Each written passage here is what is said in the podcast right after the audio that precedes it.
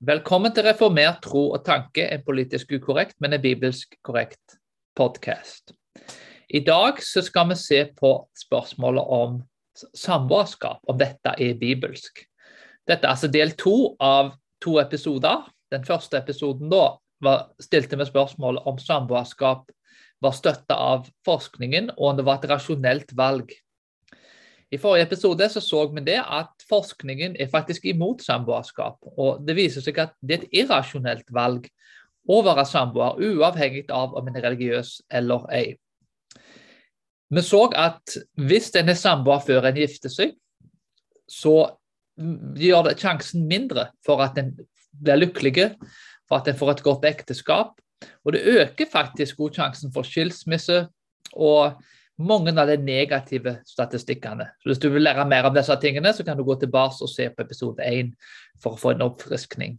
Eller se episoden for første gang. Så Vi så altså da at samboerskap var irrasjonelt, og at det var et dårlig valg som da ikke maksimerer sjansen din for å få det bedre. I denne episoden da, så skal vi se på om samboerskap er bibelsk. Er det bibelsk å bo sammen? Jeg vil bare si igjen at når jeg snakker om å bo sammen, så mener jeg òg at en da har sex sammen. Jeg tror ikke du kan skille disse to tingene. Det finnes sikkert unntak, men de unntakene er nok så unike at de omtrent ikke er eksisterende. Grunnen til at vi skal se på dette, er at om det er bibelsk, er da at Vi tenker ofte med Bibelen som en irrasjonell, gammel bok, men som er progressiv i dag. Vi lever tross alt i 2022. Men som vi så forrige gang, så er faktisk ekteskapet og det å vente med å flytte inn før en gifter seg, er et bedre valg.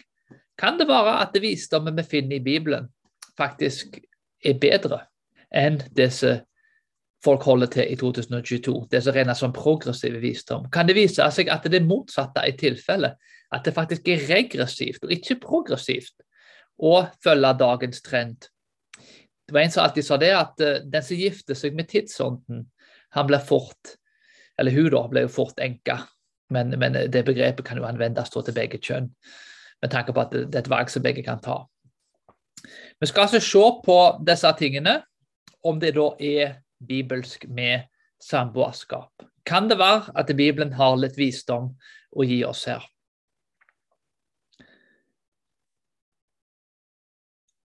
Vi tenker kanskje det at i eh, dag så er jo alle prester og teologer spesielt, og religiøse folk, de er jo da imot samboerskap. Eh, I realiteten så er nok det tilfellet i stor grad, men det er to eksempler her som jeg vil nevne. da, Presten Sturla Stålsett, som har eh, gjort seg åpen da, til prester som er samboere, og tidligere biskop Tor B. Jørgensen, som via en samboende prest. Og Interessant nok da, så er det en økende støtte faktisk for samboerskap og i kristne settinger. Enten om det blir tolerert, men også faktisk til og med argumentert for. Jeg har lest flere artikler og, og hørt faktisk flere folk si at de er for dette. Og Dermed da, er det et viktig spørsmål å stille seg sjøl da. Er det bibelsk? Er samboerskap bibelsk? Vi ser på ulike ting i Bibelen, ulike bibeltekster, og vi skal også se på flere ulike leksikon og ulike ordbøker som da går inn på dette ordet som ble brukt da, med tanke da på seksuell umoral og hor. Det ordet som ble brukt her, da, er et ord som ofte blir oversatt seksuell umoral eller sexual immorality. Eh, hor er et annet ord. Det er porneia, da, som er ordet vi får pornografi fra. Dette ordet, da, ifølge Mounts Complete Expository Dictionary, viser at dette er jo en ulovlig seksuell atferd, som da blir kalt hor. Og dette er noe som ofte ser i, i Paul sine brev, bl.a. Bible Works, et bibelogram med gresk og hebraisk, da, bruker ordet porneia som hor og en umoralsk person. Analytical Lexicon of the Greek New Testament beskriver dette med porneia da, som et ord som betyr 'generally of every kind of extramarital, unlawful or unnatural sexual intercourse, fornication, sexual immorality, prostitution' som et skille da fra adultery, som er da utroskap. Så her ser du altså ordet ble brukt, altså ulovlige utenomekteskapelige seksuell atferd. En måte du kan beskrive det leksikonet, en måte de definerer ordet på. New Illustrated Bible Dictionary sier da 'sexual relationship outside the bonds of marriage'. Altså sex utenfor ekteskapet, da. Ble, altså, hore, hore, altså ordet hore blir brukt som. Uh, Tundale Bible Dictionary, unchastity, sexual immorality. Og Det er et ord altså, som ble brukt ifølge denne, dette leksikonet på forskjellige måter. Men uh, det er altså alle ulovlige, ulovlige former da, for seksuell moral. Og i dette tilfellet da, så står det that in any intercourse except between a husband and a wife. Så det er altså all seksuell aktiviteter som foregår utenfor ekteskapet. Vi kan bruke flere andre eksempler, men uh, ja, det vil ta mye tid å gå gjennom hvert av disse leksikonene.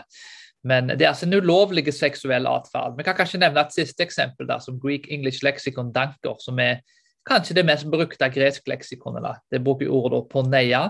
Of various kinds of unsanctioned sexual intercourse and lawful sexual intercourse, prostitution and chastity and fornication. Igjen, Vi ser en helhetlig forståelse her, at dette handler om seksuell atferd utenfor ekteskapet. Men jeg kan spørre seg selv, stemmer dette? Viser bibeltekstene at dette er sant? Det er jo ikke de greske leksikonene som bestemmer hva Guds ord sier. Uh, i fall, altså, igjen, Ordene betyr jo det det betyr, men vi må gå inn i selve Skriften og se på disse tingene sjøl. Og se hva sammenheng det er satt i, og måten ordene ble brukt på i de sammenhengene. I 1. Korinterbrevet 7.1-4 så ser vi det første eksempelet. Her ser vi at når det gjelder det dere skrev om, sier Paulus, og han fortsetter, så er det godt for en mann ikke å røre en kvinne, men for hors skyld skal hver mann ha sin egen hustru og hver kvinne sin egen mann. Mannen skal gjøre mot ektefellen det han skylder henne, og det samme skal kvinnen gjøre mot mannen. Og Det er veldig interessant her å se at for hors skyld, med andre ord for seksuell umorals, eller for poneias skyld på gresk, så skal en altså ha sin egen mann og sin egen hustru. Og Dette er altså noe som skjer innenfor ekteskapet, noe som er åpenbart ut ifra teksten. Vi så videre i 1. Korinterbrev 7, 8-9, i det samme kapitlet, så sier Paulus til de ugifte og enkene Det er godt for dem om de fortsetter å være som jeg. Altså igjen at Paulus da eh, lever i sølibat, er eh, det han henviser til her. Og han fortsetter. Men kan de ikke leve avholdende, så la dem gifte seg. For det er bedre å gifte seg enn å brenne av lyst. Her ser vi nok et eksempel på at Paulus mener at hvis en da ikke er som Paulus og har fått den nådegaven at en kan leve i sølibat, i hans tilfelle, så er det bedre at folk gifter seg. Jo, hvorfor? Jo, for det er bedre å gifte seg enn å brenne av lyst. Hvis dette med samboerskap er noe Bibelen støtter, så er det veldig merkelig at Paulus skulle være med og argumentere på denne måten her at han mener da at det faktisk er bedre å gifte seg enn å brenne av lyst. Hvis samboerskap hadde vært greit, kunne ikke da Paulus gitt et alternativ? En kan bo sammen før en er gift, og en trenger ikke gifte seg. Men Paulus gjør akkurat det motsatte. Han argumenterer mot porneia, mot hor, altså mot all seksuell aktivitet som, som skjer da utenfor et ekteskap. Så med andre ord, Paulus åpenbart mener at dette må skje innenfor ekteskapet. Det er den måten han bruker teksten på. Og Vi ser at det er mange andre plasser i, i Bibelen nå. Det er mange eksempler som jeg kunne brukt. I Romerbrevet 13.13, 1. Korinterbrevet 5.1, 1. Korinterbrev 5.11, 1. Korinterbrev 6.13, 6.18, 1. Korinterbrev 10.8, Galaterbrevet 5.19, Efeserbrevet 5.3, Kolosserbrevet 3.5, 1. Tessaloniker 4.3 Åpenbaringsboken 21,8. Og Hebreerbrevet 13,4 sier La ekteskapet holdes i ære av alle, og la ektesengen bevares ren. For Gud vil dømme det som driver hor eller bryter ekteskapet. Så det er altså et skille her mellom hor og utroskap, dette bryte ekteskapet. Altså Hor skjer da, eh, eller kan skje blant to som ikke er gift, mens eh, utroskap da, er jo da noe som der en er utro da, mot en, en, som en er gift med. Og En annen ting er jo da med at i Matteus 19,4 så sier Jesus Han svarte Har dere ikke lest at skaperen fra begynnelsen av skapte dem mann og kvinne, og sa derfor skal mannen forlate far og mor og holde fast ved sin kvinne, og de to skal være én kropp. Og det er noe med dette her å være én kropp. Og hvis den, som I forrige episode så gikk vi inn på at hvis en er samboer og godkjenner det, så er det svært usannsynlig at en da er kun med én person. En blir altså ikke en kropp med én person. Så Anbefalingen her er jo at en blir ett med én person og er med den personen resten av livet. Nå er det jo åpenbart at det er jo ikke alltid sånn, sånn det er i virkeligheten, men, men idealet kan ikke forandres til tross for folk bryter det. Så Uansett hvordan en vrir og vender på den mynten, da, så er det et ideal. Det er noe da som er en perfekt standard. Og Noen ganger så selvsagt så faller en kort, da, oppnår ikke det idealet. Men igjen, en kan ikke forandre på standarden fordi en ikke klarer å leve opp til den. Og Vi ser altså her måten dette ble brukt på, og de ulike bibelske tekstene. Så, så det er svært vanskelig å lese dette på noen annen måte enn på den måten som leksikonene definerer det på. Hor er sex uten, uh, utenfor ekteskapet.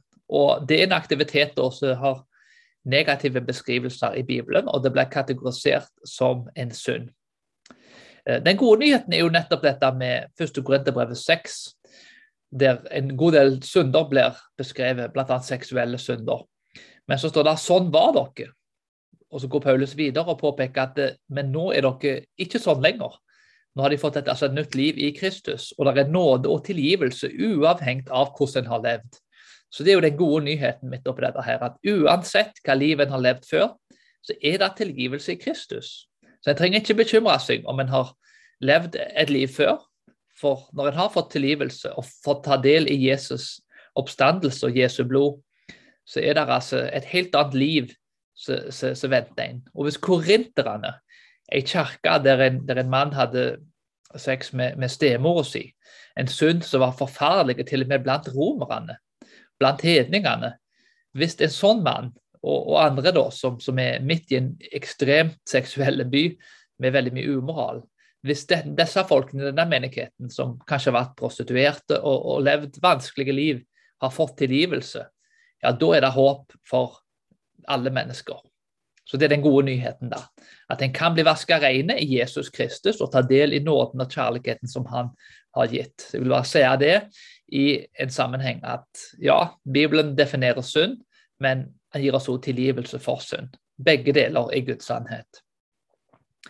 Med det i minnet da, så, så, må vi gå inn på dette med hva er egentlig et ekteskap. Når da, Paulus snakker om ekteskapet, og når han definerer det, hvor går grensa fra der en ikke er gift, til der en er gift, med tanke på at ulike kulturer forstår dette ulikt. Eh, det er tre ting som jeg vil påpeke da, som, som er med å definere et ekteskap. Og Jeg skal ikke påpeke at dette er det eneste måten dette kan forstås på, men jeg tror i hvert fall at dette er en historisk eh, definasjon som, som kan funke. I omtrent alle, alle, kulturer i verden så har det vært en muntlig eller skriftlig avtale mellom individer eller mellom foreldre og familier med de som gifter seg. De blir altså enige om at her er det to stykker som skal gifte seg og forhåpentligvis være sammen livet ut. Eh, dette er altså en muntlig da, I Bibelen så ser vi da Rebekka Isak f.eks. så var da en muntlig avtale med tanke på at papir har vært ekstremt dyrt gjennom historien, og, og svært få folk kunne lese og skrive. Så de muntlige avtalene i, i, mye av de tradisjonelle kulturene har vært like bindende, og kanskje mer bindende, enn skriftlige avtaler er for oss i dag. Og um, Det er jo en måte da, så dette ble definert på. Utenom de avtalene, da, så er det da seremonien. En offentlig feiring med familiene der de sammen feirer ekteskapet. Der en gjør dette offentlig gjennom en seremoni. Og Det tredje da er et seksuelt samleie. At ekteskapet må bekreftes da gjennom sex. Altså gjennom, gjennom at en uh, har samleie. Så De tre tingene har som regel vært med definert et ekteskap. Og nå er det jo sånn at uh, jeg tror nok at uh, i visse tilfeller at noen av disse tingene altså, Du trenger ikke alle tre på plass hver gang for at et ekteskap skal bli godkjent. Jeg tror i norsk kultur, om du ikke har råd til feiringen, og det blir for dyrt å holde et bryllup, så, så, så er det helt i orden å gå til sorenskriveren og, og skrive under kontraktene at en nå er gift. Min anbefaling er faktisk at folk som vil utsette selve feiringen, bør gå og gjøre det. Hvis de bor sammen og, og føler kanskje at de lever feil, så vil jeg sterkt oppmuntre folk til å, gå til sorenskriveren og være med og skrive under på en kontrakt og gi de løftene foran hverandre. Og det er absolutt et ekteskap som er offisielt godkjent. Og så kan en spare seremonien til senere. Ideelt sett da, så vil jo seremonien òg være en viktig del av et ekteskap. Men uh, det er jo forståelig at det ikke alltid er mulig å sette de tingene ut i praksis. Så en skriftlig avtale da, mellom de to individene er absolutt noe som er godkjent. Men igjen, det, det må jo være litt kulturavhengig. Det er jo en definasjon, da. Altså Den muntlige skriftlige avtalen funker jo i Norge, men i andre land så kan det være andre måter å gjøre det på som er like, likeverdig. Utenom dette da, så, så vil jeg gå litt inn på ja, hva er grunnen til at Bibelen beskriver da hor da, eller sex utenfor ekteskapet som en synd. Er det en grunn til det? Og Mitt svar er ja, det er mange grunner. og Jeg kunne gått inn på mange av de grunnene, men jeg skal prøve å påpeke noen av de. Den første grunnen er jo da at eh, det snakket jeg om forrige gang, at ekteskapet er som en peis. Hvis jeg tenner bål midt i huset mitt, så blir det veldig godt og varmt, men huset brenner ned. Så den varmen som kommer, den kommer òg med flammens ødeleggende konsekvenser som brenner ned huset. Men hvis jeg bygger en peis midt i huset, og jeg setter en flamme inn i den peisen, da får jeg varme, samtidig som peisen beskytter meg mot flammens destruktive konsekvenser. Sånn er det òg med ekteskapet. Seksualiteten er som flammen. Han, er, han, skaper varme, og det er ting som Gud har skapt. Noe som er positivt og godt. Men samtidig kan det ødelegge veldig mye hvis det ikke er satt opp et ordentlig rammeverk som er beskytter begge partene fra seksualitetens destruktive konsekvenser. Dermed da, er ekteskapet noe som blir satt opp av Gud for å beskytte oss. Gud er ikke en kjip og råtten Gud som vil ødelegge livene våre. Han elsker oss, og han setter opp lover og regler for å beskytte oss. Det er ikke fordi disse lovene frelser oss, at vi blir bedre og mer hellige av å følge lovene. Vi er rettferdiggjort av tro alene av Hans nåde.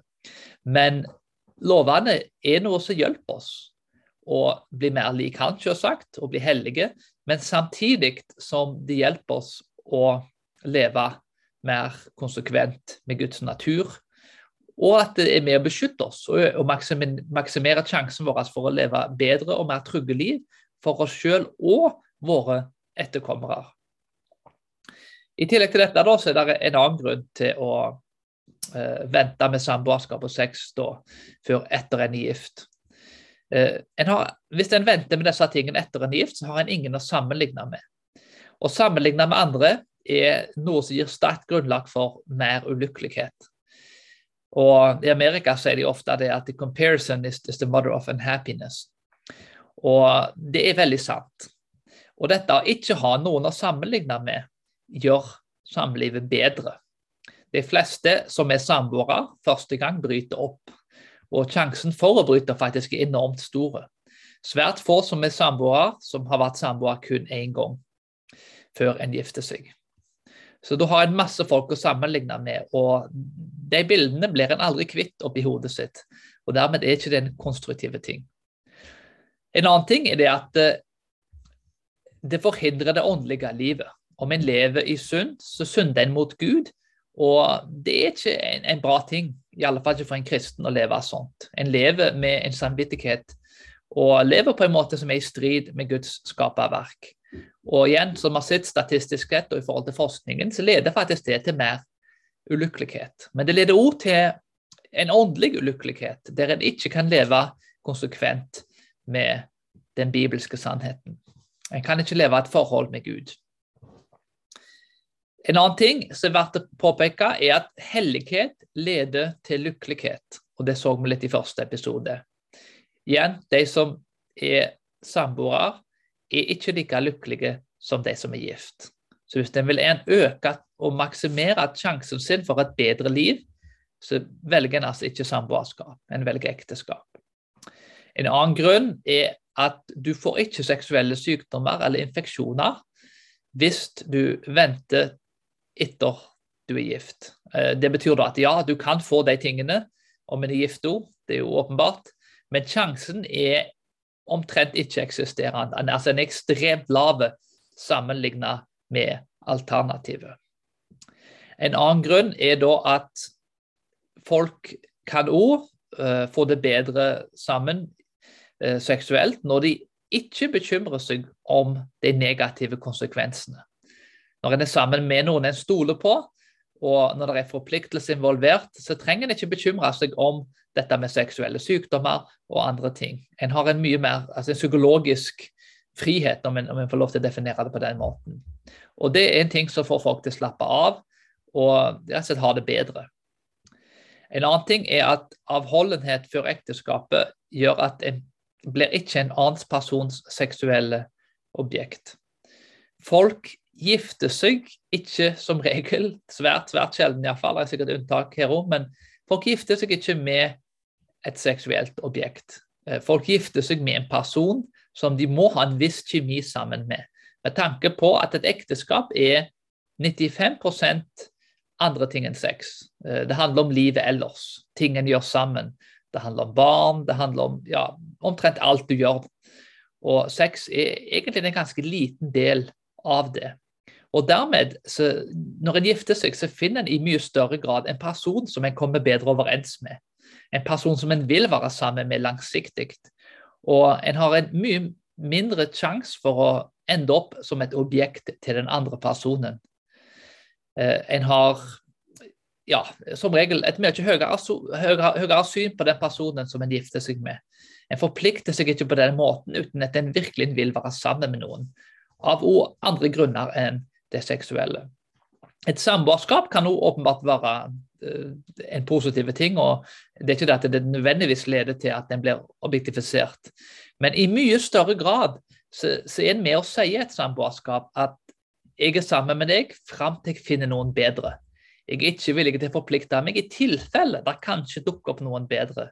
For så er det veldig enkelt, det er utrolig stor forskjell på å si til noen dette er kona mi, dette er mannen min, dette er partneren min, dette er samboeren min.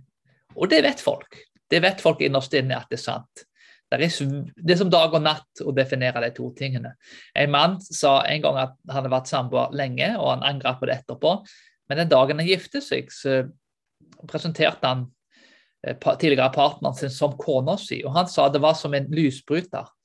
Forskjellen, sa han, var som dag og natt. Det var en helt enorm forskjell.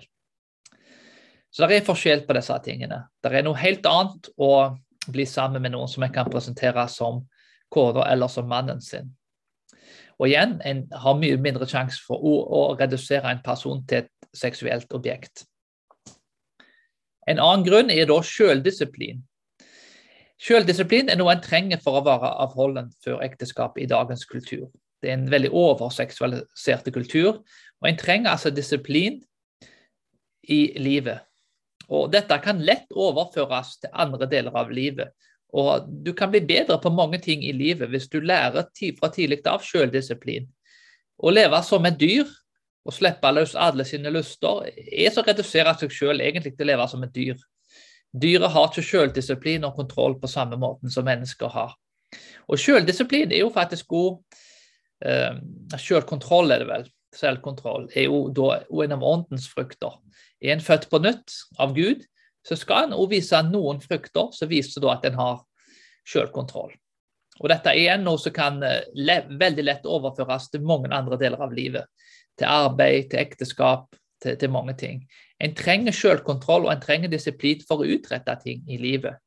Og Dette kan være en god plass å begynne å øve seg og be Gud om at han gir oss den frukten til å være med og leve, leve, leve et bedre liv og mer i tråd med det Gud har kalt oss til. Så Da har vi altså sett på leksikonene, hva de sa. Vi har sett på den historiske definasjonen av et ekteskap. Og vi har sett ord på noen av grunnene da, til andre grunner da, enn bibelske og, og det forskningsmessige til at en da bør være gift før en bor sammen og har sex sammen generelt. Og Med det i minne så håper jeg at folk har blitt litt mer opplyst. Jeg har i hvert fall lært veldig mye av å gå inn på disse tingene. og, og studere det. Og forhåpentligvis så har folk blitt overbevist om at samboerskap verken er rasjonelt, er støtta av forskningen, eller at det er bibelsk. Og med det så vil jeg konkludere at jeg tror Guds ord har større visdom enn dagens kultur. Jeg tror det er en gammel lærdom, en gammel bibelske sannhet, som er like sann i dag som den var når det ble skrevet. Og igjen, Jeg anbefaler folk å bygge opp en pace rundt livet sitt. Og bygge livet sitt rundt et ekteskap, sånn at de kan bli beskytta imot seksualitetens destruktive konsekvenser. Det var alt for i dag. Dette blir faktisk den siste episoden før sommerferien kommer. Det blir en, en måneds tid med pause, og så begynner vi opp igjen med flere episoder etter hvert. Vi snakkes snart.